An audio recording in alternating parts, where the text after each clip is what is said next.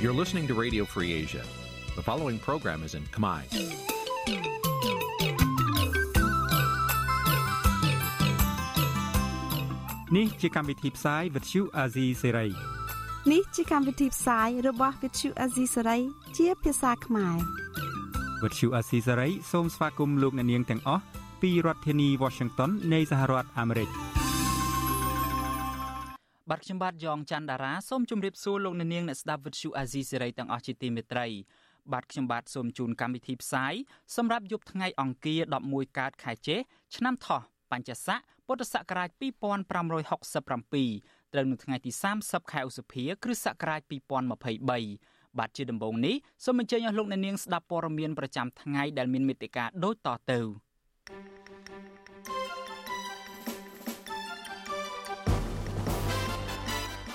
លោកហ៊ុនសែនប្រកាសថាទោះជាលោកឈប់ធ្វើនាយករដ្ឋមន្ត្រីក៏ដោយក៏លោកនៅតែដឹកនាំនយោបាយកម្ពុជាដដែលគណៈបកភ្លើងទៀនក្រុងប្រមូលផ្ដុំសមាជិកបកចំនួន10000នាក់នៅទីលានប្រជាធិបតេយ្យដើម្បីទាមទារសិទ្ធិចូលរួមការបោះឆ្នោតប្រធានសមាគមសម្ព័ន្ធសហគមន៍កសិករកម្ពុជាលោកថេងសាវឿននិងសហការី2នាក់ទៀតត្រូវបានដោះលែងពីពន្ធនាគារហើយ បាននៅក្នុងនេតិវេទិកាអ្នកស្ដាប់វិទ្យុអាស៊ីសេរីនិយមនេះយើងនឹងពិភាក្សាអំពីវិធីសាស្ត្រដើម្បីស្រោចស្រង់ប្រព័ន្ធយុតិធធម៌នៅកម្ពុជា ដែលកំពុងធ្លាក់ដាំក្បាលចុះរួមនឹងព័ត៌មានសំខាន់សំខាន់មួយចំនួនទៀតបាទជាបន្តទៅទៀតនេះខ្ញុំបាទយ៉ងច័ន្ទដារាសូមជូនព័ត៌មានទាំងនេះពឺស្ដា បាទលោកនាងជាទីមេត្រីគណៈកម្មាធិការនយោបាយនៃគណៈបកភ្លើងទៀនសម្រាប់ថានឹងធ្វើការប្រមូលផ្ដុំសមាជិកបកចំនួន10000នាក់ដើម្បីទាមទារឲ្យគណៈកម្មាធិការជាតិរៀបចំការបោះឆ្នោតផ្ដល់សិទ្ធិឲ្យគណៈបកភ្លើងទៀនអាចចូលរួមប្រគល់ប្រជែងនៅក្នុងការបោះឆ្នោតនៅក្នុងខែកក្កដាខាងមុខនេះបាទអ្នកវិភាគនយោបាយគ្រប់គ្រងចំពោះការប្រមូលផ្ដុំតវ៉ារបស់គណៈបកភ្លើងទៀននិងជំរុញឲ្យលោកហ៊ុនសែនបញ្ឈប់ការធ្វើនយោបាយបែបកំសាកតទៅទៀត បាទលោកអ្នកនាងនឹងបានស្ដាប់ព័ត៌មាននេះពឹស្ដានៅពេលបន្តិចទៀតនេះ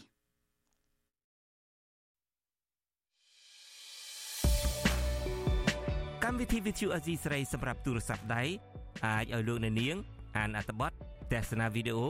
និងស្ដាប់ការផ្សាយផ្ទាល់ដោយឥតគិតថ្លៃនិងដោយគ្មានការរំខាន ដើម្បីអាននិងទស្សនាមេតិការថ្មីៗពី Vithu Azizi សេរី លោកអ្នកនាងគ្រាន់តែចុចបាល់កម្មវិធីរបស់ Vithu Azizi សេរីដែលបានដំឡើងរួចរាល់លើទូរស័ព្ទដៃរបស់លោកអ្នកនាង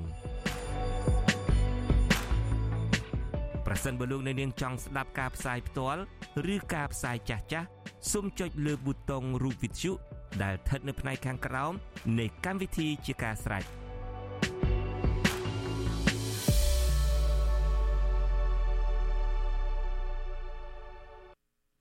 បាទលោកនាងជាទីមេត្រីដោយដែលលោកនាងបានជ្រាបស្រាប់ហើយថាបច្ចុប្បន្ននេះការដឹកនាំរបស់រដ្ឋាភិបាលលោកហ៊ុនសែនកំពុងតែដើរទៅដល់ចំណុចមួយដែលជិតទៅដល់គៀកដណ្ដឹងការផ្ទេរអំណាចទៅហើយហើយលោកនាយរដ្ឋមន្ត្រីហ៊ុនសែននៅពេលនេះបែរជាបានប្រកាសថាបើទោះបីជានៅពេលខាងមុខលោកមិនធ្វើជានាយករដ្ឋមន្ត្រីដឹកនាំប្រទេសក៏ដោយក៏លោកនៅតែដឹកនាំនយោបាយដដែលនៅក្នុងនាមជាប្រធានគណៈបកប្រជាជនកម្ពុជា បាទអ្នកវិភាគថាការថ្លែងរបស់លោកហ៊ុនសែនបែបនេះគឺជាការបញ្ជាក់យ៉ាងច្បាស់ថាលោកហ៊ុនសែនមិនទុកចិត្តសមត្ថភាពដឹកនាំរបស់លោកហ៊ុនម៉ាណែតដែលជាបេក្ខជននាយករដ្ឋមន្ត្រីបន្តត្រកូលរបស់លោកនោះទេ បាទយើងប្រកូលនេតិនេះជូនលោកទីនហ្សាការីយ៉ាដើម្បីឲ្យលោករៀបរាប់ជូនលោកអ្នកនាង។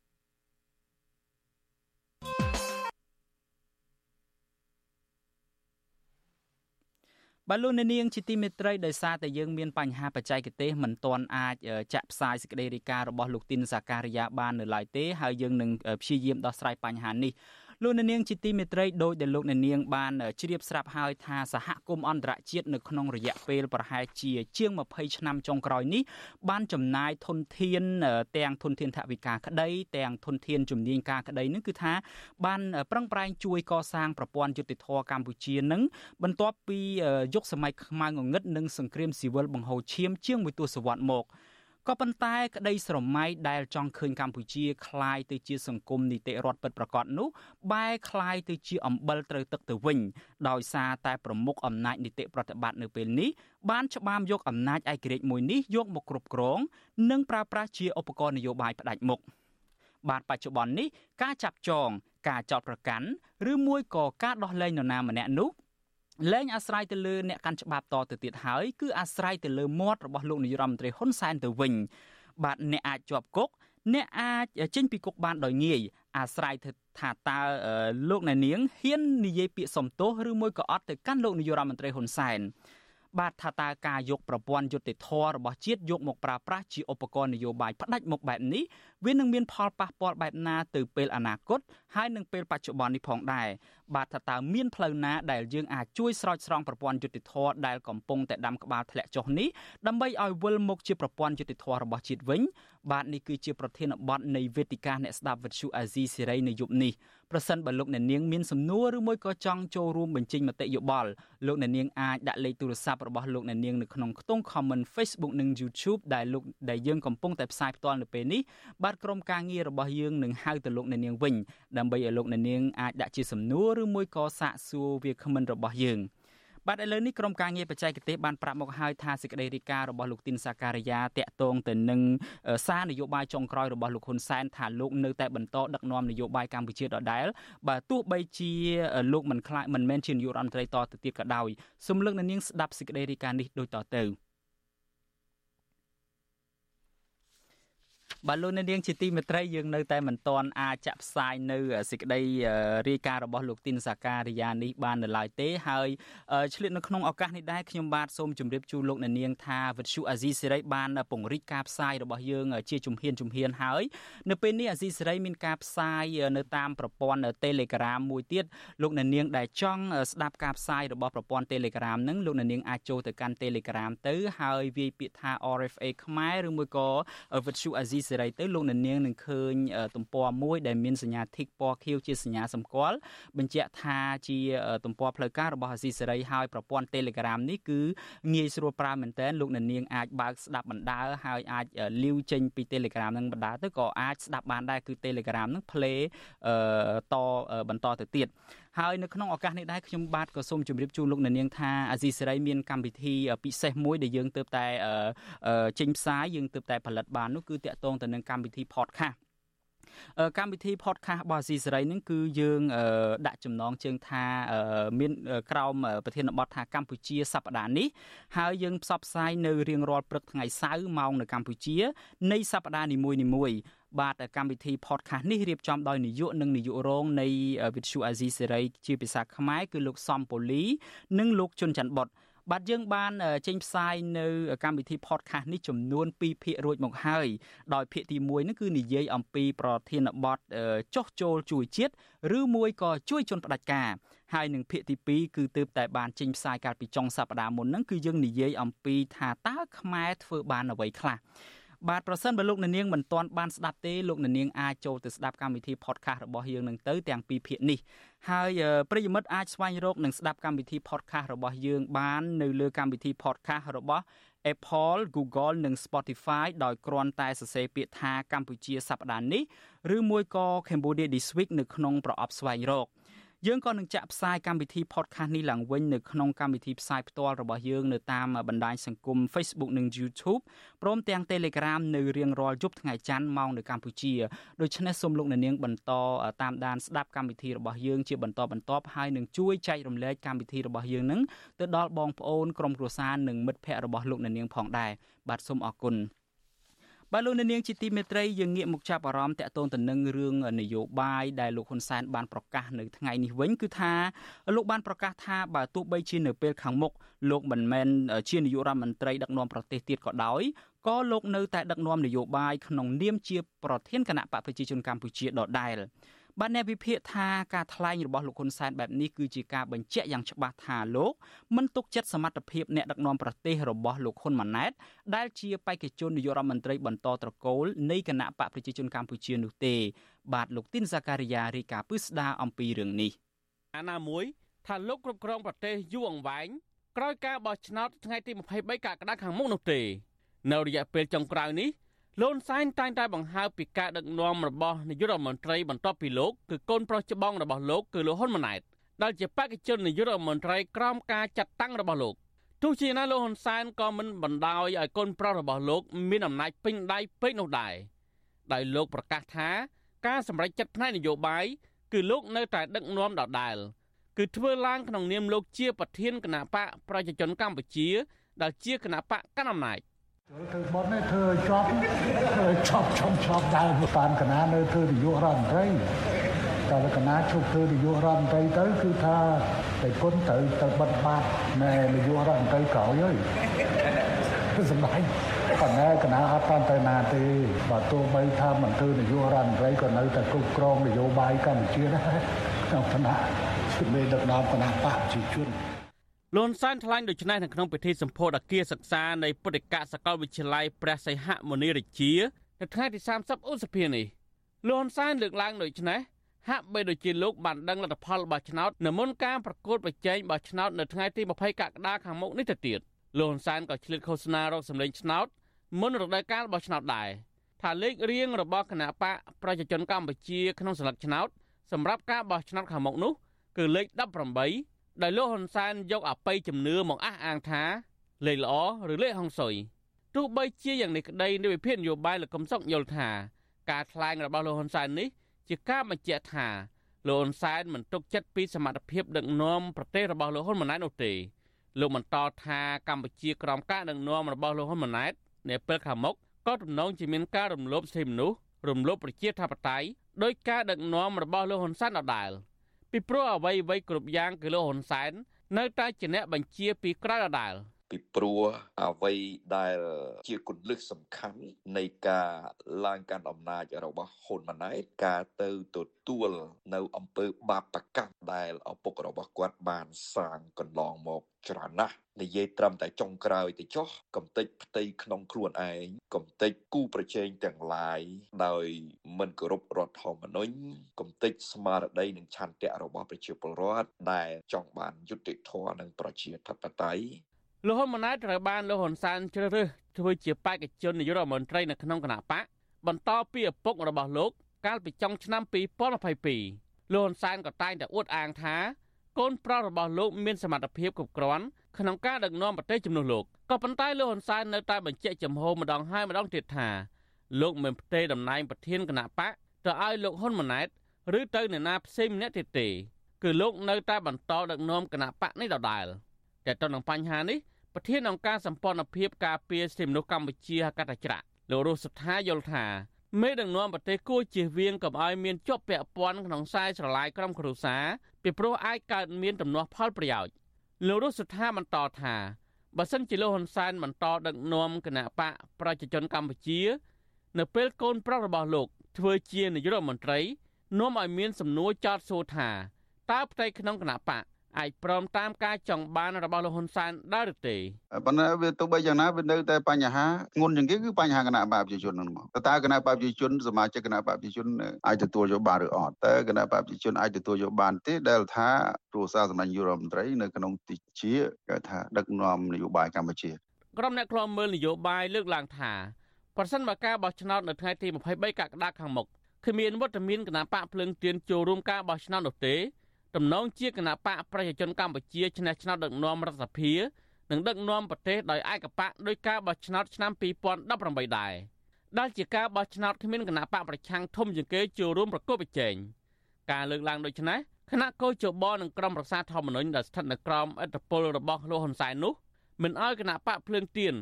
ដែលមានកម្លាំងនយោបាយប្រហាក់ប្រហែលនឹងគណៈបកកណ្ដាលអំណាចអាចចូលរួមការបោះឆ្នោតនាខែកក្កដាខាងមុខបាន។ ខ្ញុំទីនសាការីយ៉ាអស៊ីសេរីប្រធានីវ៉ាស៊ីនតោនបាទលោកនាងជាទីមេត្រីតកតងទៅនឹងព័ត៌មានដែលកំពុងក្តៅគគុកតកតងទៅនឹងលោកថេងសាវឿនឯនេះវិញ បាទសាលាដំបងខេត្តរតនគិរីបានដោះលែងលោកថេងសាវឿននិងសហការីរបស់លោកពីរនាក់ទៀតគឺលោកញិលភៀបនិងលោកឋានហាជឲ្យមានសេរីភាពវិញហើយនៅថ្ងៃទី30ខែឧសភានេះបន្ទាប់ពីពួកលោកធ្វើលិខិត និងថតវីដេអូនិយាយទម្លាក់កំហុសលើខ្លួនឯងដែលផ្សព្វផ្សាយនៅលើបណ្ដាញសារព័ត៌មានដែលស្និទ្ធនឹងលោកនាយករដ្ឋមន្ត្រីហ៊ុនសែនកាលពីថ្ងៃទី27ខែឧសភាកន្លងទៅ បាទភ្លាមភ្លាមបន្ទាប់ពីទទួលបានការដោះលែងឲ្យនៅក្រៅឃុំបណ្ដោះអាសន្នលោកថេងសាវឿនដែលជាប្រធានសមាគមសម្ព័ន្ធសហគមន៍កសិករកម្ពុជាហៅកាត់ថា CCFC នោះនិងសហការីរបស់លោកទាំងពីរនាក់ទៀតក៏បានថ្លែងទទួលកំហុសម្ដងហើយម្ដងទៀតនិងអំពាវនាវឲ្យប្រជាពលរដ្ឋចូលរួមការបោះឆ្នោតនៅក្នុងខែកក្កដាខាងមុខនេះផងដែរ បាទតកតងទៅនឹងរឿងនេះដែរបើទោះបីជាលោកថេងសាវឿននិងសហការីរបស់លោកពីរនាក់ទៀតបានចេញពីពន្ធនាគារយ៉ាងណាក៏ដោយក៏ប៉ុន្តែខាងប្រជាកសិករអានេះវិញគឺពួកគាត់មិនពេញចិត្តនោះទេចំពោះអ្វីដែលលោកថេងសាវឿននិងសហការីរបស់លោកបានធ្វើនៅពេលនេះគឺការនិយាយទម្លាក់កំហុសទៅលើខ្លួនឯងនិងទៅលើប្រជាកសិករ ឥឡូវនេះយើងបានភ្ជាប់ទៅតំណាងសហគមន៍ដីធ្លីមួយរូបនៅខេត្តកោះកុងគឺលោកស្រីផៅញើងដើម្បីចង់ដឹងអំពីប្រតិកម្មរបស់លោកស្រីផ្ទាល់អំពីរឿងនេះខ្ញុំបាទសូមជម្រាបសួរលោកស្រីផៅញើងពីចម្ងាយបាទចាជំរាបសួរអូនអរគុណស៊ីសេរីដែលបានតាក់ទងបង បាទអរគុណលោកស្រីផៅយើងឥឡូវនេះយើងមិនបាច់វែងឆ្ងាយអីច្រើនទេគឺលោកស្រីបានដឹងហើយថាលោកថេងសាវឿនបានរួចពីការឃុំឃាំងជាបដិអាសន្នហើយហើយចំណុចមួយដែលធ្វើឲ្យគាត់អាចបាននៅក្រៅឃុំនៅពេលនេះគឺការនិយាយទម្លាក់កំហុសទៅលើខ្លួនឯងផងហើយនឹងទម្លាក់កំហុសទៅលើប្រជាកសិករទៅលើតំណាងសហគមន៍ដីធ្លីអីផងដែល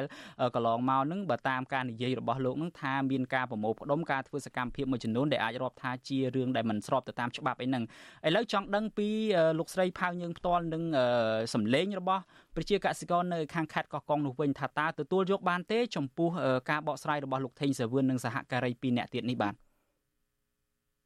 ចាសម្រាប់ខ្ញុំក៏ដូចជាសហគមន៍ផ្សេងផ្សេងទៀតគឺពួកយើងយល់ឃើញថា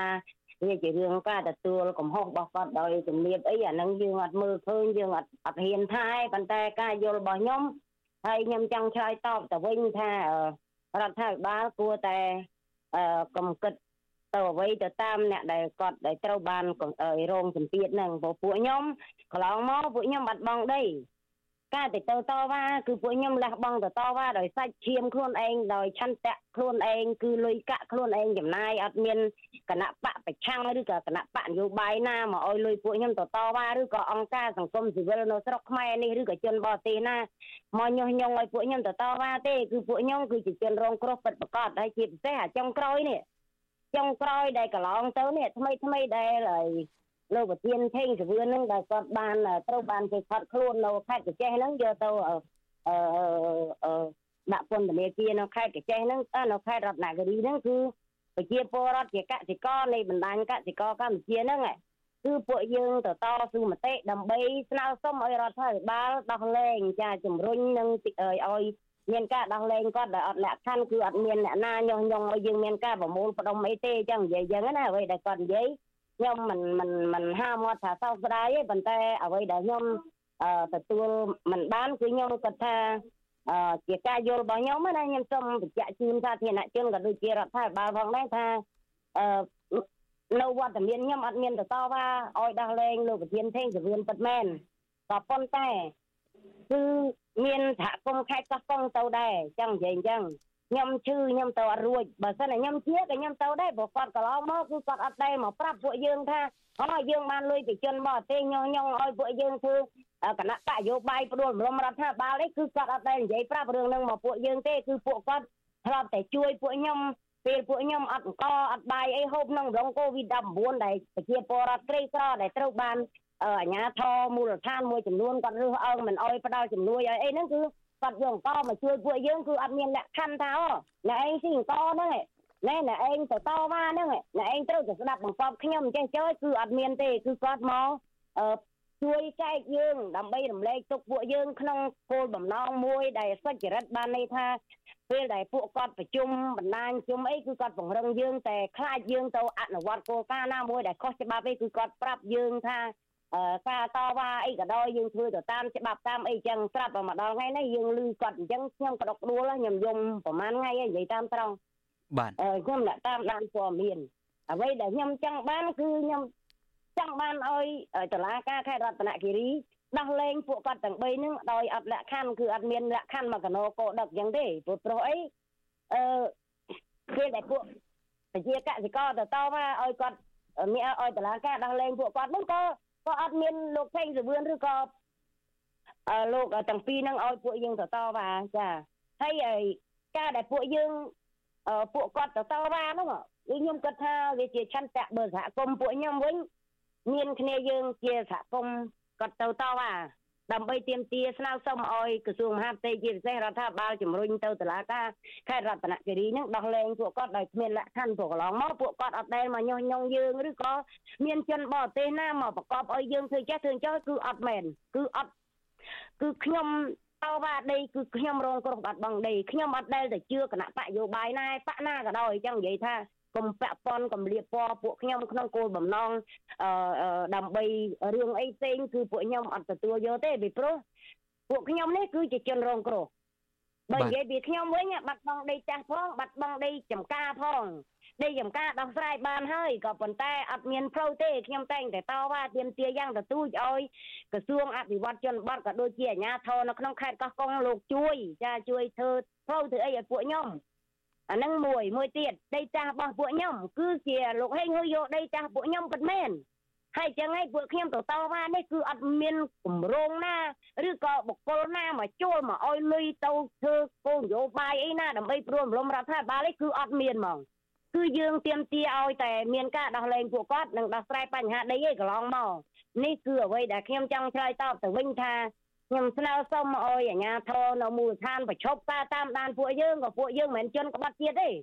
ពួកយើងគឺជាប្រជាពលរដ្ឋរងគ្រោះហើយនៅពេលនោះគឺ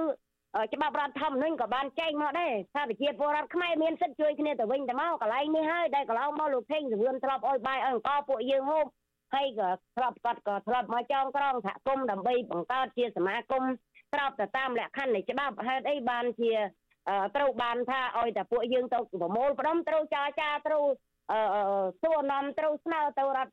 ត្រូវស្នើទៅអាជ្ញាធរអីណាអញ្ចឹងខ្ញុំខ្ញុំខ្ញុំសោកស្ដាយខ្លាំងណាស់ពួកខ្ញុំចុះសិទ្ធសិទ្ធនៅក្នុងច្បាប់ដែលកតិកាសញ្ញាស្តីអំពីសិទ្ធិមនុស្សជាសកលគេសេថាម៉េចក្នុងនោះក៏មានការចុះហត្ថលេខាធានាថាគោរពសិទ្ធិមនុស្សគឺប្រទេសកម្ពុជាយើងដែររដ្ឋាភិបាលយើងដែរ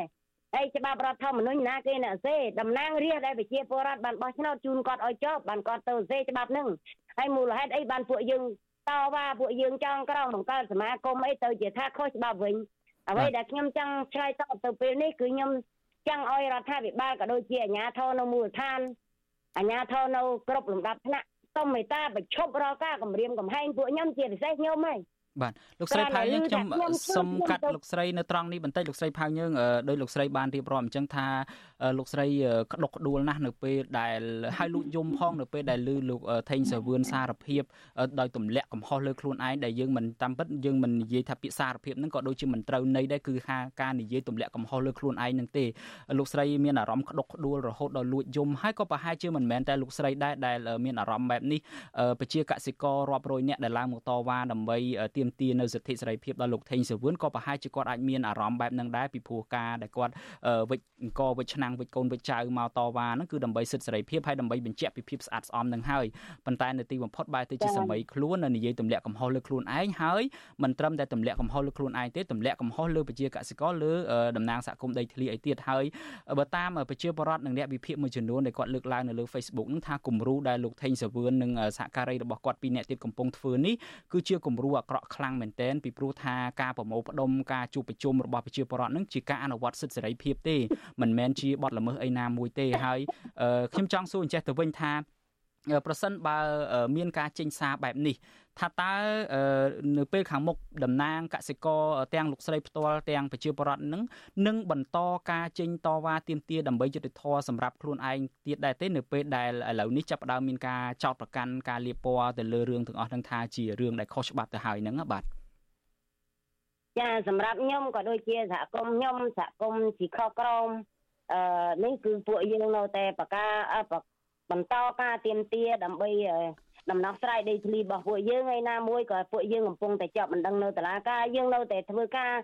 ទៀមទារោគយុទ្ធធរអញ្ចឹងពីព្រោះកន្លងមកក៏ដូចជាបច្ចុប្បន្ននេះអត់មានអង្គការក្រៅរដ្ឋាភិបាលណាអត់មានដែលអ្នកក្រៅប្រទេសណាមកញុះញង់ពួកខ្ញុំអត់មានគណៈបកប្រឆាំងឬមួយគណៈបកអឺណាមកប្រាប់ឲ្យពួកខ្ញុំតវ៉ាទេគឺអត់ហ្មងចា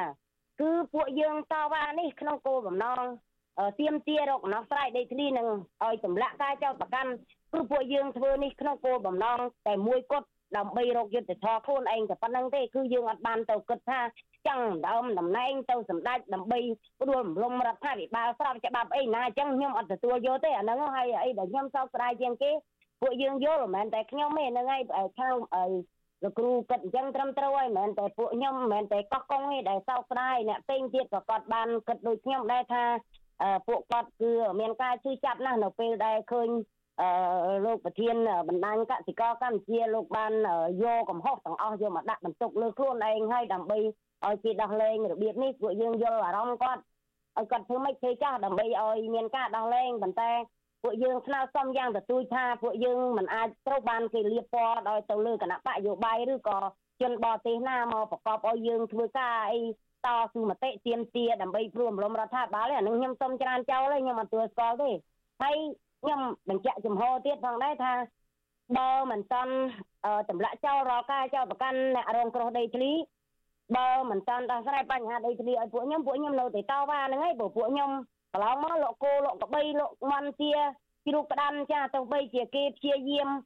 រៀបរាំងមិនអោយទៅតវ៉ាហើយកន្លែងណាក៏ពួកគាត់លួចរត់ទៅតវ៉ាដែរដើម្បីទាមទារឲ្យមានសិទ្ធិសេរីភាពរបស់ពួកគាត់ហើយយើងហើយមានអ្នកណាមកអោយលុយណា ទៅបីអង្គការក្រៅរដ្ឋាភិបាលនៅក្នុងស្រុកខ្មែរនេះអត់មានអ្នកណាមួយអ្នកណាមួយម្នាក់ក៏អត់ទេខ្ញុំចង់និយាយថាការនិយាយថាមានផ្ទះសាមគ្គីមានអង្គការមួយចំនួនចង់ក្រៅអីណាមកប្រកបអីខ្ញុំច្រើនចូលទេព្រោះពួកខ្ញុំអត់មានអង្គការទាំងអស់នោះមកឲ្យលុយពួកខ្ញុំទៅតវ៉ាគឺពួកខ្ញុំតវ៉ាដោយសុខសន្តិខ្លួនឯងពួកខ្ញុំគឺជាជនរងគ្រោះខ្លួនឯងហើយពួកខ្ញុំបាត់បង់ដីពួកខ្ញុំទៅតវ៉ាហើយគេប្តឹងពួកខ្ញុំចាប់ ប្រព័ន្ធតុលាការអញ្ចឹងពួកខ្ញុំតែងតែនាំគ្នាទៅតវ៉ាដើម្បីទាមទាររយុត្តិធម៌នឹងហើយហើយដល់ពេលយើងទៅតវ៉ាថាមានគេឲ្យលុយឲ្យអីយ៉ាងពួកខ្ញុំមិនសុខចិត្តដល់ពួកខ្ញុំស្ាត់តែនាំគ្នាតំមួយខែ2500រៀលដោយការទៅតវ៉ាដើម្បីទាមទារឲ្យមានការសម្លាក់ការចោទប្រកាន់លោកថេងសវឿននិងលោកទាំងពីរអ្នកលោកឋានហាជនិងលោកញិលភៀវិញសហគមន៍ខ្ញុំចំណាយលុយច្រើនណាស់គឺពួកគាត់មានការសន្សំប្រាក់មួយខែ2500រៀលក្នុងមួយគ្រួសារនៅពេលដែលពួកគាត់ មានបញ្ហាអីមួយគឺគាត់តែងតែជួយគ្នាទៅវិញទៅមកគឺគាត់យកលុយនោះមកចូលឡានមកជិះឡានអីចឹងទៅគឺអត់មានអង្គការអត់មានអ្នកណាឲ្យលុយពួកយើងទេយើងចង់ឆ្លើយតបទៅចឹងអញ្ចឹងចំហរបស់ពួកខ្ញុំគឺពីរឿងដីធ្លីនិងសម្រាប់ការចោទប្រកាន់រាល់ការចោទប្រកាន់ទាំងឡាយណាដែលអយុត្តិធម៌សម្រាប់ពួកខ្ញុំបាត់បង់ដីធ្លីអញ្ចឹងពួកខ្ញុំនៅតែបន្តការទៀមទារកដំណោះស្រាយនឹងតើតែបានជោគជ័យបានពួកខ្ញុំឈប់បើរឿងថាឲ្យពួកខ្ញុំ ឈប់តាមលោកថេងសវឿនគាត់អះអាងគាត់លើកឡើងប្រាប់អីហ្នឹងពួកពួកខ្ញុំអត់បានស្ដាប់ប្រកបគាត់អញ្ចឹងទេពីកន្លងមកក៏យើងអត់បានស្ដាប់គាត់ចាគឺយើងអត់បានស្ដាប់គាត់ថាគាត់ឲ្យធ្វើបានយើងធ្វើគាត់ឲ្យយើងឈប់យើងឈប់អីណាគឺអត់ទេគឺធ្វើដោយឆន្ទៈពួកយើងមែនអញ្ចឹងខ្ញុំសូមសំណូមពរយ៉ាងទទូចជាពិសេសរាជរដ្ឋាភិបាលដែលបានកាន់កំណាចកាន់អំណាចសពសប្ថ្ងៃនេះសូមឲ្យលោកមេតាពិចារណាឡើងវិញ ហើយនឹងដោះលែងគាត់ដោយអត់មានលក្ខខណ្ឌទៅហើយជាពិសេសគឺពួកយើងនៅតែបន្តការទៀមទានៅពេលដែលពួកយើងរងគ្រោះបាត់បង់ដីធ្លីក៏ដូចជាប្រជាកសិករខ្លះក៏អត់មានដីធ្លីមានក្រុមខ្ញុំធ្លាប់សម្រាប់រួលក្រុមមួយក្រុម955នៅខេត្តកោះកុងនេះគាត់ឃើញក្រុមហ៊ុនអង្គញាលីងផាត់ បានទទួលដីសម្បទានសេដ្ឋកិច្ចនឹងមកឲ្យទុកចោល4 5ឆ្នាំតាំងឆ្នាំ2018 14រហូតបច្ចុប្បន្ននេះអត់ឃើញមានណាធ្វើអីយ៉ាងទៅពួកគាត់អត់មានដីមានទ្រីគាត់ទៅដាក់ពាក្យស្នើសុំអាហ្នឹងឯងកន្លែងហ្នឹងដែលគេចោទប្រកាន់ខ្ញុំថាខ្ញុំញញងសួរថាបងប្អូនទាំងអស់ហ្នឹងគាត់មានខួរក្បាល1គីឡូ2ខាំដូចខ្ញុំអត់ចាំបាច់ខ្ញុំទៅញញងគាត់ដែរទេបើពួកគាត់សិតតែយល់ដឹងអំពីសិទ្ធិខ្លួនគាត់ហើយដូចតវ៉ាថ្ងៃមុននេះសួរថាខ្ញុំអ្នកទៅតវ៉ាអត់ទេគឺប្រជាពលរដ្ឋពួកគាត់ទៅ ពួកគាត់ខ្លួនឯងវិចអង្គវិចបាយពោកូនពោចៅទៅពេលដែលមានកន្លែងណាគេដេញចាប់គេប្រមាថកាត់ទៀនពួកខ្ញុំគេថារកឃើញមញើងជិះឡានណាទៅមួយមកវិញចេញពីការចាប់ខ្លួនអីឲ្យឲ្យវាចាប់គុកអីណាវាទៅតវ៉ាដើម្បីមេហួរមេគុនធាអីណាការពិត ពួកយើងអត់បានគិតអញ្ចឹងទេបើសិនខ្ញុំជាក៏ខ្ញុំទៅតវ៉ាដែរព្រោះវាជារឿងអយុត្តិធម៌មួយដែលចោទថាមានទោសក្បត់ជាតិអីបដិវត្តកសិករអីណាពួកខ្ញុំជាកសិករមានកំភ្លើងយន្តពីណាមានកំភ្លើងធំយន្តហោះណាទៅបដិវត្តកើតចាពួកខ្ញុំគឺពួកខ្ញុំសំតែលុយដើម្បីទិញអង្គហូបខ្លួនឯងឬក៏ធ្វើស្រែខ្លួនឯងអត់មានហ្នឹងអង្គមលើទឹកភ្លៀងឯងរងថ្ងៃនេះចាយើងអត់អាចទទួលយកបានទេរកការសម្រាប់កំហុសទាំងអស់នេះ បាទសូមអរគុណលោកស្រីផៅយើងដែលលោកស្រីចូលខ្លួនមកដើម្បីបញ្ជាក់អំពីជំហររបស់លោកស្រីផ្ទាល់និងសហគមន៍កសិករនៅក្នុងខេត្តកោះកុងនឹងហើយដូច្នេះហើយយើងឮច្បាស់ហើយគឺថាខាងខាងសហគមន៍កសិករទាំងលោកស្រីផៅយើងក្តីនឹងគឺថាអាចថានៅក្នុងចិត្តនឹងមានអារម្មណ៍ក្តុកក្តួលមានអារម្មណ៍ថាមិនគួរថាមានការនិយាយបែបនេះពីសំណាក់លោកថេងសាវឿននិងសហការីរបស់លោកទេក៏ប៉ុន្តែទន្ទឹមគ្នានេះលោកស្រីនិងសហប្រជាកសិករនៅក្នុងខេត្តកោះកុងអ្នកដែលរងគ្រោះដីធ្លីហ្នឹងគឺថានឹងមិនបញ្ឈប់ការតវ៉ាដើម្បីស្វែងរកយុត្តិធម៌សម្រាប់ខ្លួនឯងទេដូច្នេះហើយខ្ញុំបាទសូមអរគុណលោកស្រីផៅយើងដែលបានផ្ដល់បទសម្ភាសន៍ដល់វិទ្យុអាស៊ីសេរីនៅពេលនេះហើយយើងនឹងបន្តតាមដានករណីនេះទៅមុខទៀតសូមអរគុណសូមជម្រាបលាលោកស្រីបាទចាអរគុណគ្រូអរគុណច្រើនបានតាក់ទងមកខ្ញុំខ្ញុំសប្បាយចិត្តណាស់នៅពេលមានវិទ្យុអស៊ីសេរីក៏ដូចជាស្ថាប័នព័ត៌មានផ្សេងផ្សេងគាត់តាក់ទងមកខ្ញុំព្រោះខ្ញុំចង់ប្រាប់ ខ្ញុំចង់និយាយប្រាប់ពីបេះដូងខ្ញុំឲ្យដឹងអញ្ចឹងចាសូមអរគុណបាទសូមអរគុណសូមជម្រាបលាលោកស្រីបាទ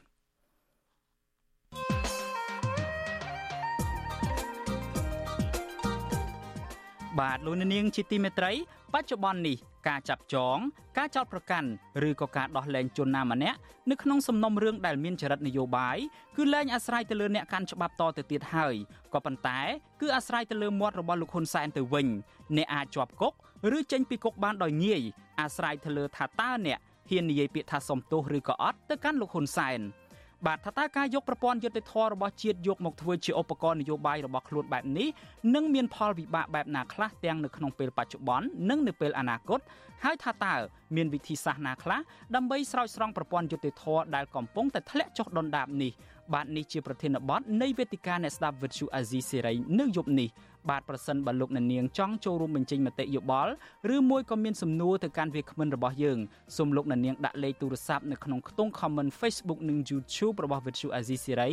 ដែលយើងកំពុងតែផ្សាយផ្ទាល់នៅពេលនេះបាទក្រុមការងាររបស់យើងនឹងហៅទៅលោកអ្នកនាងវិញបាទសូមអរគុណ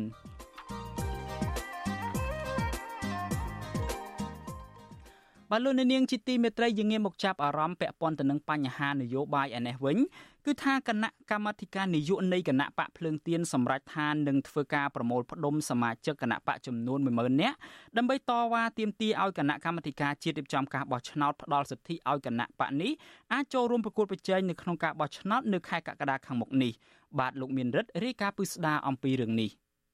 គណៈកម្មាធិការនយោបាយគណៈបកភ្លើងទៀនអះអាងថាគណៈបកភ្លើងទៀនមិនមានល្បិចកលមិនចង់ចូលរួមប្រគល់ប្រជែងនយោបាយនៅក្នុងការបោះឆ្នោតជ្រើសតាំងតំណាងរាស្ត្រនាខែកក្កដាខាងមុខដើម្បីឲ្យបរទេសដាក់សម្ពាធមកលើរដ្ឋាភិបាលនោះទេ នៅក្នុងកិច្ចប្រជុំគណៈកម្មាធិការនយោបាយរបស់គណៈបកភ្លើងទៀនកាលពីថ្ងៃទី28ខែឧសភាគណៈបកនេះបានសម្រេចថានឹងប្រមូលផ្ដុំសមាជិកប្រមាណ10000នាក់នៅឯទីលានប្រជាធិបតេយ្យដើម្បីតវ៉ាទាមទារឲ្យគណៈកម្មាធិការជាតិរៀបចំការបោះឆ្នោតហៅកាត់ថាកោចបអាចចូលរួមប្រគល់ប្រជែងនៅក្នុងការបោះឆ្នោត អនុប្រធានគណៈបកភ្លើងទៀនលោករងឈុនប្រាវិសុវអាស៊ីស្រីនៅថ្ងៃទី30ខែឧសភាថាគណៈបកភ្លើងទៀននឹងដាក់លិខិតជូនដំណឹងទៅសាលារដ្ឋាភិបាលភ្នំពេញនិងក្រសួងមហាផ្ទៃនៅក្នុងសប្តាហ៍នេះអំពីការជួបជុំសមាជិកគណៈបកភ្លើងទៀនប្រមាណ10000នាក់នៅឯទីលានប្រជាធិបតេយ្យលោកបានថែមថាការសម្រេចរបស់គណៈកម្មាធិការជាតិរៀបចំការបោះឆ្នោតមិនឲ្យគណៈបកភ្លើងទៀនចូលរួមប្រគល់ប្រជែងនយោបាយ ធ្វើឡើងដោយសារនិន្នាការនយោបាយជាជាងការខ្វះខាតឯកសាររបស់គណៈបកភ្លើងទៀនព្រោះផ្អែកតាមលិខិតបញ្ជាក់របស់ក្រសួងមហាផ្ទៃចេញកាលពីថ្ងៃទី5ខែឧសភាលិខិតនោះបានបញ្ជាក់យ៉ាងច្បាស់ថាគណៈបកភ្លើងទៀនពិតជាបានចុះបញ្ជីគណៈបណ្ឌនយោបាយនៅក្រសួងមហាផ្ទៃពិតប្រកបមែនបើសិនជាលោកនាយករដ្ឋមន្ត្រីគិតបែបហ្នឹងដើម្បីផ្ចាញ់អ្នកលាក់ឯកសារហ្នឹងលោកនាយករដ្ឋមន្ត្រីផ្ដល់ឲ្យគណៈបកភ្លើងទៀនចូលរួមប្រកួតទៅហើយនៅពេលហ្នឹងបើគណៈបកភ្លើងទៀនមិនចូលរួមប្រកួតអានឹងគណៈបកភ្លើងទៀនមានល្បិចកលមែនណាហើយបើសិនជាគណៈបកភ្លើងទៀនចូលរួមប្រកួត មានន័យថាគណៈបកភ្លើងទៀនมันមានល្បិចកលអីទេ ដោយសារតែគណៈបកភ្លើងទៀនបានបាត់លិខិតចុះបញ្ជីគណៈបណ្ឌនយោបាយច្បាប់ដើមដែលចេញដោយក្រសួងមហាផ្ទៃក្រោយពីរដ្ឋាភិបាលបិទការិយាល័យគណៈបកភ្លើងទៀនដែលនៅជាមួយគណៈបកសង្គ្រោះជាតិនៅសង្កាត់ចាក់អង្រែក្រោមរាជធានីភ្នំពេញគណៈបកភ្លើងទៀនបានធ្វើលិខិតស្នើសុំក្រសួងមហាផ្ទៃឲ្យបញ្ជាក់លិខិតចុះបញ្ជីគណៈបណ្ឌនយោបាយពីក្រសួងមហាផ្ទៃដើម្បីយកទៅចុះឈ្មោះចូលរួមប្រគល់ប្រជែងការបោះឆ្នោតនៅគណៈកម្មាធិការជាតិរៀបចំការបោះឆ្នោត ក៏ប៉ុន្តែក្រសួងមហាផ្ទៃមិនបានចេញលិខិតទូទាយតាអំពីការចុះបញ្ជីគណៈបញ្ញយោបាយរបស់គណៈបកភ្លើងទៀននោះទេដោយគ្រាន់តែចេញលិខិតបញ្ជាក់ទទួលស្គាល់ថាគណៈបកភ្លើងទៀនពិតជាបានចុះបញ្ជីគណៈបញ្ញយោបាយនៅក្រសួងមហាផ្ទៃពិតប្រាកដមែន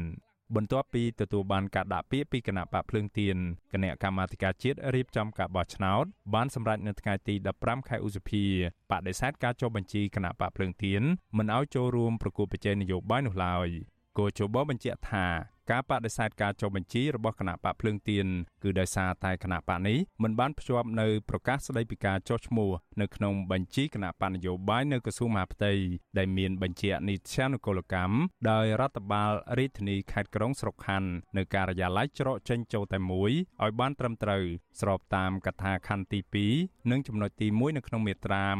27នៃច្បាប់ស្តីពីការបោះឆ្នោតជ្រើសតាំងតំណាងរាស្ត្រ ក៏ប៉ុន្តែជាក់ស្ដែងច្បាប់ស្តីពីការបោះឆ្នោតជ្រើសតាំងតំណាងរាស្ត្រឆ្នាំ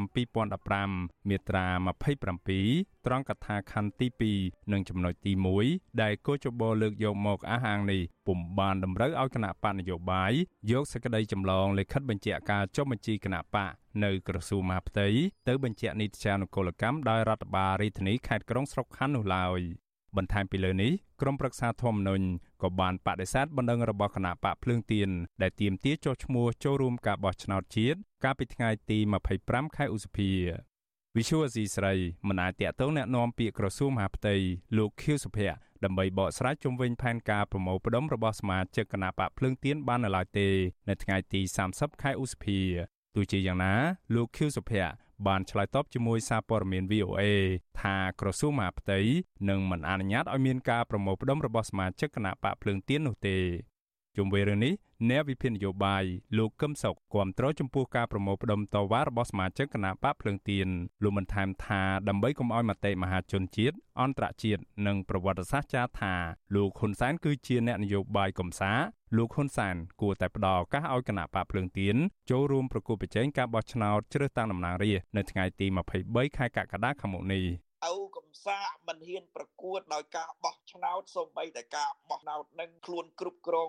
100%ហើយមកកំសាកមិនចង់ឃើញប្រជាពលរដ្ឋខ្មែរទៀមទាយុតិធម៌តាមរយៈកម្លាំងគណៈបកភ្លើងទៀន10000នាក់ហើយមកកំសាកមិនហ៊ានស្ដាប់សូម្បីតែសម្ដីសម្របសម្រួលរបស់អ្នកការទូតកំសាកហើយកំសាកទៀតណាដូច្នេះទ្រឹស្ដីបត់កំសាកនេះនឹងត្រូវប្រជាពលរដ្ឋខ្មែរទូទាំងពិភពលោកសូត្រដាក់លោកហ៊ុនសែននិងក្រុមគ្រួសារហ៊ុនរហូតច្បាប់ស្តីពីការធ្វើបាតកម្មដោយសន្តិវិធីមិនបានចែងតម្រូវឲ្យស្ថាប័នណាមួយទទួលបានការអនុញ្ញាតជាមុនពីអាជ្ញាធរដែនដីមុននឹងធ្វើបាតកម្មនោះឡើយមាត្រា5នៃច្បាប់នេះគ្រាន់តែចែងថាក្រុមបុគ្គលណាមួយដែលមានបំណងចង់ធ្វើបាតកម្មដោយសន្តិវិធីនៅកន្លែងសាធារណៈណាមួយត្រូវជូនដំណឹងទៅអាជ្ញាធរដែនដី ឬខេត្តតែប៉ុណ្ណោះ ទោះជាយ៉ាងណាលោករងឈុនបញ្ជាក់ថាគណៈបកភ្លើងទៀននឹងនៅតែដាក់លិខិតជូនដំណឹងទៅក្រសួងមហាផ្ទៃនិងសាលារាជធានីភ្នំពេញនៅក្នុងសប្តាហ៍នេះហើយប្រសិនបើអាជ្ញាធរមិនអនុញ្ញាតឲ្យប្រមូលផ្ដុំការតវ៉ានោះគណៈកម្មាធិការនយោបាយរបស់គណៈបកភ្លើងទៀននឹងបើកការប្រជុំពិភាក្សាជាថ្មីម្ដងទៀតខ្ញុំបាទមេរិត Visual C ស្រី ពីរដ្ឋធានី Washington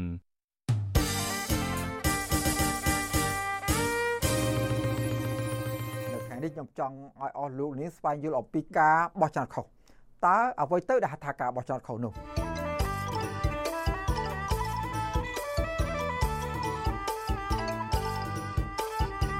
ចំពោះការបោះឆ្នោតបើបោះខុសម្ដង គឺមិនខុសមួយឆ្នាំទេលោកនាង គឺខុស5ឆ្នាំ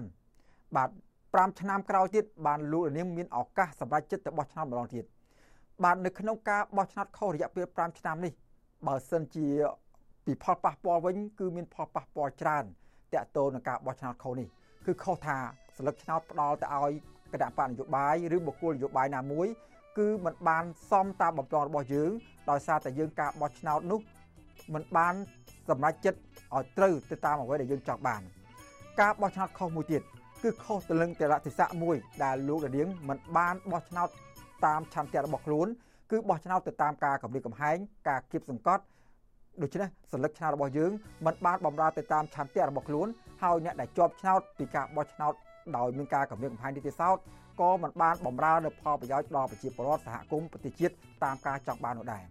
ការបោះឆ្នោតខុសមួយទៀតនោះគឺការបោះឆ្នោតដែលស្ថិតនៅក្រោមសម្ពាធនយោបាយមានការបង្ខិតបង្ខំមានការទិញទឹកចិត្តហើយអ្នកទៅបោះឆ្នោតដោយមិនបានពិចារណា ហើយក៏បោះទៅតាមអ្វីដែលគេបានរុញច្រានឲ្យលោកលានបោះឆ្នោតដែលគេរៀបចំទុកឲ្យជាស្រេច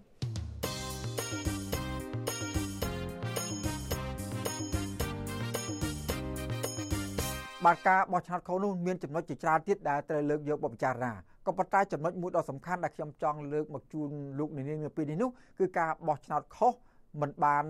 រឹសតំណាងដែលខ្លួនពេញចិត្ត ស្លឹកឆាអស់លោកនាងมันអាចរឹសបានមានដឹកនាំល្អដែលតំណាងធ្វើការងារឲ្យខ្លួន បំពេញមុខមាត់សម្រាប់ជាតិសម្រាប់ប្រជាពលរដ្ឋក្នុងឆាកអន្តរជាតិនិងកិច្ចការផ្សេងៗទៀតដូច្នេះស្លឹកឆ្នោតដែលលោកនាងបោះទៅមិនចំគោលដៅគឺពុំមានន័យខ្លឹមសារនិងបានផលវិញតាមការចង់បាននោះឡើយ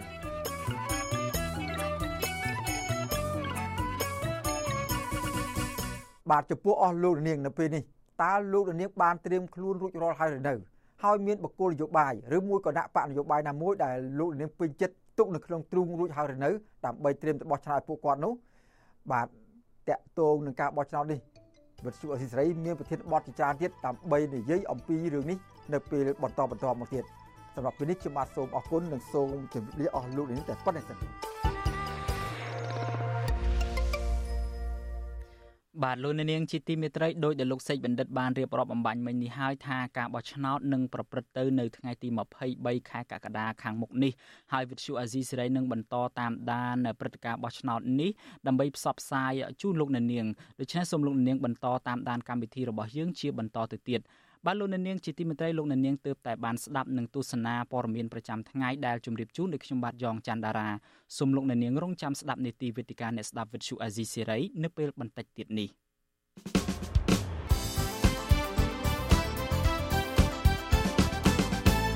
បាទលោកអ្នកនាងជាទីមេត្រីនេះជាកម្មវិធីវេទិកាអ្នកស្ដាប់វិទ្យុអាស៊ីសេរី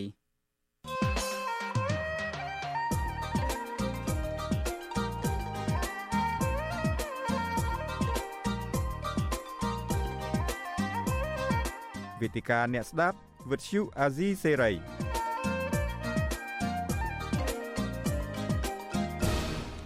បាទខ្ញុំបាទយ៉ងច័ន្ទដារាសូមជម្រាបសួរលោកអ្នកនាងជាថ្មីម្ដងទៀតដែលកំពុងតែតាមដានការផ្សាយរបស់យើងនៅតាមរលកថេដាកាខ្លីឬ Shortwave តាមបណ្ដាញសង្គម Facebook YouTube និង Telegram ទាំងអស់ជាទីមេត្រីបាទប្រធានបទនៅក្នុងនេតិវេទិកាអ្នកស្ដាប់វិទ្យុអាស៊ីសេរីនៅពេលនេះគឺយើងនឹងពិភាក្សាគ្នាអំពីផលវិបាកនៃការប្រើប្រាស់ប្រព័ន្ធយុតិធធរបស់ជាតិជាឧបករណ៍នយោបាយកំចាត់សម្លេងឯករាជ្យនិងសម្លេងប្រឆាំងនៅកម្ពុជា បាទយើងមានភ្ញៀវពីររូបដែលអញ្ជើញចូលរួមជាមួយយើងនៅពេលនេះទីមួយមានលោកវ៉ុនចាន់ឡូតដែលលោកជាអ្នកច្បាប់នៃអង្គការសង្ត្រាល់ហើយនឹងវាគ្មិនមួយរូបទៀតគឺលោកស្រីច័ន្ទសុជាតិដែលជាអ្នកសិក្សាផ្នែកច្បាប់ឬមួយក៏ផ្នែកនីតិសាស្ត្រខ្ញុំបាទសូមជម្រាបសួរវាគ្មិនទាំងពីរពីចម្ងាយបាទជម្រាបសួរលោកយកច័ន្ទរាបាទបាទ អរគុណលោកវ៉ាន់ចាន់ឡូតខ្ញុំបានឃើញហើយលោកវ៉ាន់ចាន់ឡូតបានចូលរួមជាមួយយើងតាមបណ្ដាញសង្គមតាមប្រព័ន្ធ Skype ហើយលោកស្រីច័ន្ទសុជាតិដោយសារតែមានទុរៈដូច្នេះចូលរួមជាមួយយើងតាមប្រព័ន្ធទូរស័ព្ទទេហើយនេះជាលើកដំបូងហើយដែលលោកស្រីច័ន្ទសុជាតិបានចូលរួមជាមួយវិទ្យុអាស៊ីសេរីដូច្នេះយើងនឹងផ្ដល់វេទិកាច្រើនសម្រាប់លោកស្រីដើម្បីបកស្រាយអំពីផ្នែកច្បាប់ហើយប្រធានបទយើងនៅពេលនេះគឺយើងនឹងជជែកជាពិសេសទៅលើការប្រើប្រាស់ប្រព័ន្ធយុតិធធម៌របស់ជាតិទៅជាឧបករណ៍នយោបាយនេះតែម្ដងហើយមុននឹងយើងចូលស៊ីជម្រៅទៅដល់ប្រធានបទយើងខ្ញុំបាទសូមរំលឹកជូនលោកអ្នកនាងថាដោយលោកអ្នកនាងបានជ្រាបស្រាប់ហើយថានៅដំណាក់កាលចុងក្រោយនេះគឺថាការចាប់ចង ការចាប់ប្រកាន់ឬមួយក៏ការដោះលែងជនណាម្នាក់នោះគឺលែងអាស្រ័យទៅលើអ្នកកាន់ច្បាប់លែងអាស្រ័យទៅលើព្រះអញ្ញាលែងអាស្រ័យទៅលើចាក្រមអីតទៅទៀតហើយគឺធំបំផុតសំខាន់ជាងគេនឹងគឺអាស្រ័យទៅលើលោកនាយរដ្ឋមន្ត្រីហ៊ុនសែនផ្ទាល់តែម្ដង បាទយើងឃើញថាករណីចុងក្រោយគេដែលយើងបានមើលឃើញទាំងអស់គ្នានឹងគឺករណីលោកថេងសាវឿននិងសហការីរបស់លោកពីររូបទៀតដែលត្រូវបានចោទប្រកាន់ពីបទល្មើសធ្ងន់ធ្ងរគឺបទឧក្រិដ្ឋនឹងតាក់ទងទៅនឹងរឿងរួមគំនិតក្បត់និងញុះញង់ហើយតុលាការនឹងគឺថាដូចជាដុតដៃដុតជើងណាស់នៅក្នុងការ ដំណើរការនីតិវិធីនឹងក៏បន្ថែបែរទៅជាមានការសុំទោសទៅលោកហ៊ុនសែនទៅក៏មានការដោះលែងបាត់ទៅហើយនៅថ្ងៃនេះហើយយើងឃើញថាក្រៅពីលោកថេងសាវឿននិងសហការីរបស់លោកនឹងគឺថាអ្នកណាទៀតក៏ដោយរាប់ទាំងអ្នកនយោបាយមន្ត្រីសង្គមស៊ីវិលមន្ត្រីសហជីពឬមួយក៏សកម្មជនរួមទាំងប្រជាពលរដ្ឋសាមញ្ញផងហ្នឹងគឺថាឲ្យតែធ្វើសកម្មភាពឬមួយក៏បញ្ចេញមតិណាដែលរដ្ឋាភិបាលមិនពេញចិត្តនោះគឺថាពួកគាត់អាចប្រឈមមុខនឹងការជាប់ពន្ធនាគារគ្រប់ពេលវេលាទាំងអស់ ក៏ប៉ុន្តែនៅពេលហ្នឹងគាត់ក៏អាចចេញពីពន្ធនាគារដោយងាយដែរតាមរយៈការនិយាយសុំទោសទៅកាន់លោកហ៊ុនសែនហ្នឹងដូច្នេះខ្ញុំបាទចង់ជូនសំណួរដំបូងទៅលោកស្រីច័ន្ទសុជាតិតែម្ដងចង់ដឹងថាអញ្ចេះនៅពេលដែលប្រព័ន្ធយុតិធធរបស់ជាតិយើងទាំងមូលតាមការពិតគឺថាត្រូវតែជាអំណាចឯករាជ្យដែលធានាដោយរដ្ឋធម្មនុញ្ញហ្នឹងបែរទៅជាបច្ចុប្បន្នស្ថិតនៅក្រោមអំណាចឬមួយក៏ការបង្គាប់បញ្ជាផ្នែកនយោបាយទៅវិញថាតើលោកស្រីមានចំណាប់អារម្មណ៍បែបណាដែរចំពោះរឿងនេះបាទ បងចាអរគុណច្រើនបងស្ដាប់ខ្ញុំច្បាស់ហើយបងបាទច្បាស់ហើយបាទសូមអញ្ជើញបាទចាជាដំបូងសូមអរគុណបងក៏ដូចជាអរគុណដល់អ្នកទស្សនាហើយថ្ងៃនេះទីសោតជាលើកដំបូងនៅក្នុងវិទ្យុអស៊ីសេរីហើយជាការលើកឡើងអំពីទស្សនៈនៃការដែលបានសិក្សារៀនច្បាប់កន្លងមកចាអរគុណច្រើនអឺពាក់ព័ន្ធនឹងសំណួរដែលបងអឺសួរនេះចំពោះចំណាក់បារម្ភខ្ញុំវិញ ចំពោះករណីដូចជាឧទាហរណ៍សវឿនបានយើងមើលឃើញជាក់ស្ដែងហើយថាសន្តិភាពការសំទោសក៏អាចធ្វើការដោះលែងបានប៉ុន្តែមែនទែនទៅបើយើងជួនទៅតាមរដ្ឋធម្មនុញ្ញនៃកម្ពុជាយើងគឺក៏មានការបែងចែកអំណាចផងដែរថាអំណាចយើងមានមាន3ធំធំនីតិបត្តិបត្តិនីតិបញ្ញត្តិនិងនីតិតុលាការហើយអ្វីដែលសំខាន់សំខាន់ទៀតនោះគឺអំណាចទាំង3នេះក៏មានការបញ្ជាក់យ៉ាងច្បាស់ផងដែរថាជាជាស្ថាប័នតែឯករាជ្យ ប៉ុន្តែបើសិនជាស្ថាប័នណាមួយដែលមានការលើបើមានការគ្រប់គ្រងទៅលើស្ថាប័នណាមួយហើយនោះចឹងស្ថាប័នផ្សេងទៀតនឹងមិនមានភាពឯករាជ្យទេបើយើងធៀបទៅនឹងអ្វីដែលបងសួរវិញគឺពាក់ព័ន្ធនឹងចំណុចនេះគឺយើងនឹងមើលឃើញថាប្រព័ន្ធតុលាការនឹងកាន់តែមានការអយុត្តិធម៌ក្នុងការធ្វើការជំនុំជម្រះដោយមិនបានផ្អែកទៅលើអង្គច្បាប់និងអង្គហេតុដែលមានការកាត់ឡើងជាក់ស្ដែងតែជា គ្រាន់តែជាការសំទោសជាការលើកលែងនេះមិនមែនជាប្រព័ន្ធច្បាប់ដែលត្រឹមត្រូវទេចាអរគុណច្រើនហ្មងបាទខ្ញុំចង់ជូនសំណួរនេះដូចគ្នាទៅកាន់លោកពាន់ច័ន្ទលូតដែរដូចច័ន្ទលូតជ្រាបស្រាប់ហើយច័ន្ទលូតជាអ្នកតាមដាន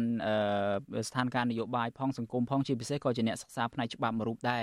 អឺដោយចន្ទលូតជ្រាបស្រាប់ហើយថាសហគមន៍អន្តរជាតិចាប់តាំងពីឆ្នាំ1993មកហ្នឹងគឺថាចំណាយធនធានច្រើនមែនទែនអស់លុយរាប់រយរាប់ពាន់លានដុល្លារបញ្ជូនទៅអ្នកជំនាញការបរទេសមកទៀតដើម្បីជួយដូចថាពង្រឹងនៅប្រព័ន្ធយុតិធធម៌របស់ជាតិក៏ប៉ុន្តែបច្ចុប្បន្ននេះប្រព័ន្ធយុតិធធម៌កិច្ចខិតខំប្រឹងប្រែងទាំងឡាយរបស់សហគមន៍អន្តរជាតិហ្នឹងហាក់ដូចជារលាយដោយអំបិលត្រូវទឹកអញ្ចឹងនៅពេលដែល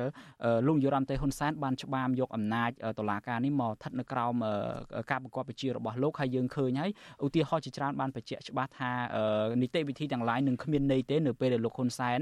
សម្រាប់ចិត្តថាតើត្រូវទុកអ្នកនឹងនៅក្នុងឃុំឬមួយក៏ដោះលែងនៅក្រៅឃុំនឹងដោយករណីលោកថេងសវឿននិងករណីផ្សេងទៀតជាឧទាហរណ៍ថាតើហេតុអ្វីបានជាប្រព័ន្ធយុតិធធម៌ដែលជាអំណាចដែលត្រូវតែជាអំណាចឯករាជ្យនឹងបែរទៅជាស្ថិតនៅក្រោមការប្រកបវិជារបស់គាត់ជាឧបករណ៍នយោបាយផ្ដាច់មុខរបស់គាត់ដោយស្ថានភាពនាពេលបច្ចុប្បន្ននេះទៅវិញបាទចិនលូតអរគុណច្រើនលោកយ៉ងចន្ទរា ខ្ញុំសូមធ្វើការកត់សម្គាល់នៅចំណុចមួយចំនួនតេតិនទៅនឹងអឺសង្គមស៊ីវិលសកម្មជនឬក៏អ្នកនយោបាយដែលអ្នកទាំងនោះគាត់ទទួលនៅការចាត់ប្រកាន់ហើយការចាត់ប្រកាន់ភាគច្រើនគឺតេតិនទៅនឹងរឿងព្រមតនហើយអ្នកនយោបាយមួយចំនួនហើយបើយើងធ្វើការបែងចែកទៅដូចថាអ្នកនយោបាយជាក្បាលម៉ាស៊ីនដឹកនាំធំធំគឺអ្នកទាំងនោះ អឺនឹងទទួលរងនៅបទចោតទៅទៅនឹងបទអក្រិតដោយថាករណីលោកកឹមសុខាឬក៏មេដឹកនាំចុងខ្ពស់នៃគណៈបកប្រឆាំងមួយចំនួនទៀតដូចជាលោកសំរស៊ីជាដើមឯសកម្មជនឬក៏អ្នកនយោបាយអឺជាបន្តបន្តមកភេកច្រើនយើងឃើញថាការចាត់ប្រកាន់នោះគឺវាត្រឹមបទមជ្ឈិមដែលមានការចាប់ទោសតននោះវាអាចចន្លោះពី1ឆ្នាំទៅ5ឆ្នាំបាទ ហើយនឹងក៏មាននៅការចាត់ប្រកាន់អ្នកផ្សេងផ្សេងទៀតដែលជាសកម្មជនហ្នឹងហើយពេលច្រើនគឺដែលយើងនិយាយជារួមមកគឺពាក់ព័ន្ធទៅនឹងបទព្រំតនអញ្ចឹងជាការកត់សម្គាល់ទី1បើវាជារឿងព្រំតនយើងត្រូវដឹងថាមានន័យថាតឡាការគឺត្រូវចាត់ការឬក៏បន្តនីតិវិធីធ្វើយ៉ាងម៉េចដើម្បីធានាទៅដល់ សង្គមថាសង្គមនឹងអឺទទួលបាននៅយុទ្ធធរឬក៏អ្នកដែលទទួលរងអំពីអំពើនៃនៃអ្នកដែលប្រព្រឹត្តនោះបាទក៏ប៉ុន្តែជាក់ស្ដែងដែលយើងឃើញថារឿងទាំងអស់នេះដោយសហគមន៍អន្តរជាតិជារឿយៗតែងតែលើកឡើងថាវាជារឿងនយោបាយហើយបើសិនជាប្រើនីតិវិធីច្បាប់តឡាការរឿងហ្នឹងក៏ មិនដឹងថាមិនសង្ឃឹមថានឹងជាប់ពេលណាឬក៏យុទ្ធធរហ្នឹងនឹងទទួលបានយ៉ាងម៉េចដែរប្រសិនជាมันមាននៅការសម្របសម្រួលផ្នែកនយោបាយដល់តែយើងមើលមកជ្រុងទៀតជាក់ស្ដែងដូចថ្មីថ្មីនេះក៏វាកាត់ឡើងនៅរូបភាពនឹងពិតមែនមានន័យថាអ្នកដែលជាប់ឃុំនៅក្នុងពន្ធនាគារឬក៏អ្នកដែលទទួលនៅការចាត់ប្រកាន់នានានោះប្រសិនបើអ្នកទាំងនោះគាត់ធ្វើការសំទោស ជាសាធារណៈហើយដែលយើងមើលឃើញថាការសំទោសនោះ គឺថតចេញពីពន្ធនាគារថែមទៅទៀតដែលដែលយើងមើលឃើញថាដូចជាដូចជាមានភាពមិនប្រក្រតីដែលពីព្រោះនៅក្នុងពន្ធនាគារការប្រើប្រាស់ទូរស័ព្ទឬក៏ស្អីផ្សេងៗគឺជាកន្លែងដែលគេហាមមិនឲ្យប្រើទេក៏ប៉ុន្តែបើសិនជាអ្នកអឺអ្នកទោសទាំងនោះឬក៏អ្នកអឺដែលបានទទួលរងការចាប់កាន់ទៅនោះគាត់ ព្រមព្រៀងគ្នាបើយើងអាចនិយាយបានថាមានការព្រមព្រៀងគ្នាជាមុនហើយគាត់ថានឹងធ្វើការសំទោសទៅដល់អ្នកដឹកនាំប្រទេសយើងឃើញថាគឺមានការសមុទ្រសមូលឲ្យអ្នកទាំងនោះចេញវីដេអូពីក្នុងពន្ធនាគារមករួមទាំងសម្លៀកបំពាក់ដែលជាអ្នកទោសផងហ្នឹងបាទហើយបន្ទាប់ពីអ្នកទាំងនោះគាត់ចេញវីដេអូសុំទោសជាសាធារណៈមក ប៉ុន្តែសុំទោសមួយបែបហើយការសុំទោសហើយគឺត្រូវតែចុះចូលមកតង់ទៀតតែយើងក៏សម្គាល់ឃើញថាវាមានលក្ខណៈហ្នឹងទៅអ្នកនោះទទួលបាននៅការលើកលែងទោសការចាត់ប្រកាន់ឬក៏ការឲ្យនៅក្រៅឃុំនោះអញ្ចឹងដល់តែយើងនិយាយត្រឡប់មកវិញមានន័យថារឿងរឿងហ្នឹងដូចទៅនឹងសហគមន៍អន្តរជាតិដែលគេតែងតែរិះគន់ថាវាជារឿងនយោបាយហើយត្រូវការការដោះស្រាយ តាមបែបនយោបាយក៏ប៉ុន្តែជារឿយរឿយរដ្ឋាភិបាលតែងតែចោទប្រកាន់ថារឿងហ្នឹងគឺជារឿងរបស់ច្បាប់តេតិនទៅនឹងតឡាការដូច្នេះគឺនីតិវិធីតឡាការធ្វើតាមនីតិវិធីអញ្ចឹងទៅអាហ្នឹងមួយមួយទៀតយើងត្រូវដឹងថាអឺបើសិនជាដូចអ្វីដែលតឡាការចាត់ប្រកាន់ដូចខ្ញុំបានលើកឡើងពីដំបូងអញ្ចឹងភិជាច្រើនគឺជាបទព្រមតន អញ្ចឹងមានន័យថាអ្នកទាំងនោះគឺសុទ្ធតែជាអក្រិតជនណាអញ្ចឹងយើងត្រូវដឹងថានៅពេលដែលមានការចាត់ប្រកាន់ទាក់ទិនទៅនឹងបទព្រមតនប្រសិនបើមិនមានការអនុវត្តទោសនៅក្នុងពន្ធនាគារឲ្យបាន2ភាគ3ឬក៏ធានាថាអ្នកទាំងនោះគាត់អឺគាត់ប្រកាសថាគាត់បានធ្វើការកែប្រែឬក៏បើសិនជាឲ្យគាត់មកមានសេរីភាពវិញគឺ ធានាថាគាត់នឹងអាចចូលរួមរស់នៅក្នុងសហគមន៍ក្នុងចំណោមមនុស្សទូទៅហ្នឹងក្នុងនាមជាពលរដ្ឋល្អវិញបានដូច្នេះអឺបើសិនជាមានការវិតម្លៃបានដូច្នេះទៅអាចនឹងមានការស្នើលើកលែងទោសបានក៏ប៉ុន្តែស្រាប់តែអ្នកនោះពេលខ្លះចោតប្រកាន់បានត្រឹម2 3ថ្ងៃឬក៏អ្នកខ្លះជាប់ពន្ធនាគារមិនតាន់បានអឺស្រួលបួលផង នៅគ្រាន់តែគាត់ធ្វើការសំទោសបែរជា មានការលើកលែងទោសហើយរដ្ឋាភិបាលយកអ្នកទាំងអស់ហ្នឹង ឲ្យទៅបម្រើការនៅក្នុងស្ថាប័នអ្នកខ្លះជា NGO ទៅអ្នកខ្លះចូលរួមនៅក្នុងបកប្រជាជនទៅអញ្ចឹងដែលយើងមកឃើញថាអឺឧបមាថាបើសិនជាអ្នកនឹងជាអក្រិតជនមែនមានន័យថាគាត់មិនតាន់នឹងត្រៀមខ្លួនដើម្បីកែប្រែរួមរស់នៅក្នុងសង្គមឲ្យខ្លាយទៅជាពលរដ្ឋល្អផងបែរជាគណៈបព្វជិជនឬក៏អ្នកដឹកនាំយកអ្នកទាំងនោះដែលសុទ្ធតែទទួលរងបាត់ចោលអក្រិតជនមកនៅក្បែរខ្លួនអញ្ចឹងយើងសាកគិតមើលមានន័យថាម៉េចការដឹកនាំអឺ